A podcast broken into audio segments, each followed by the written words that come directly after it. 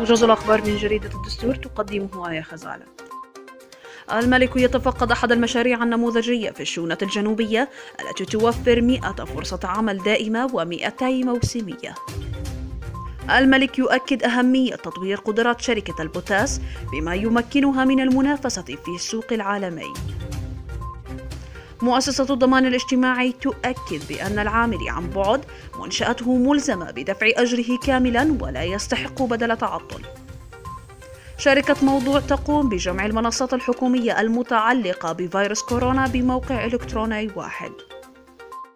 رئيس جمعية الصرافين الأردنيين يؤكد أن الحوالات الخارجية حول معدلها المعتاد في مثل هذا الوقت من السنة. صندوق المعونة الوطنية بدأ باستقبال طلبات تظلمات دعم عمال المياومة إلكترونيا. فك العزل عن ثلاث بنايات في الحي الشمالي بإربد اليوم بعد حجر دام لشهر. ضبط ست أشخاص من مروجي المواد المخدرة جنوب العاصمة.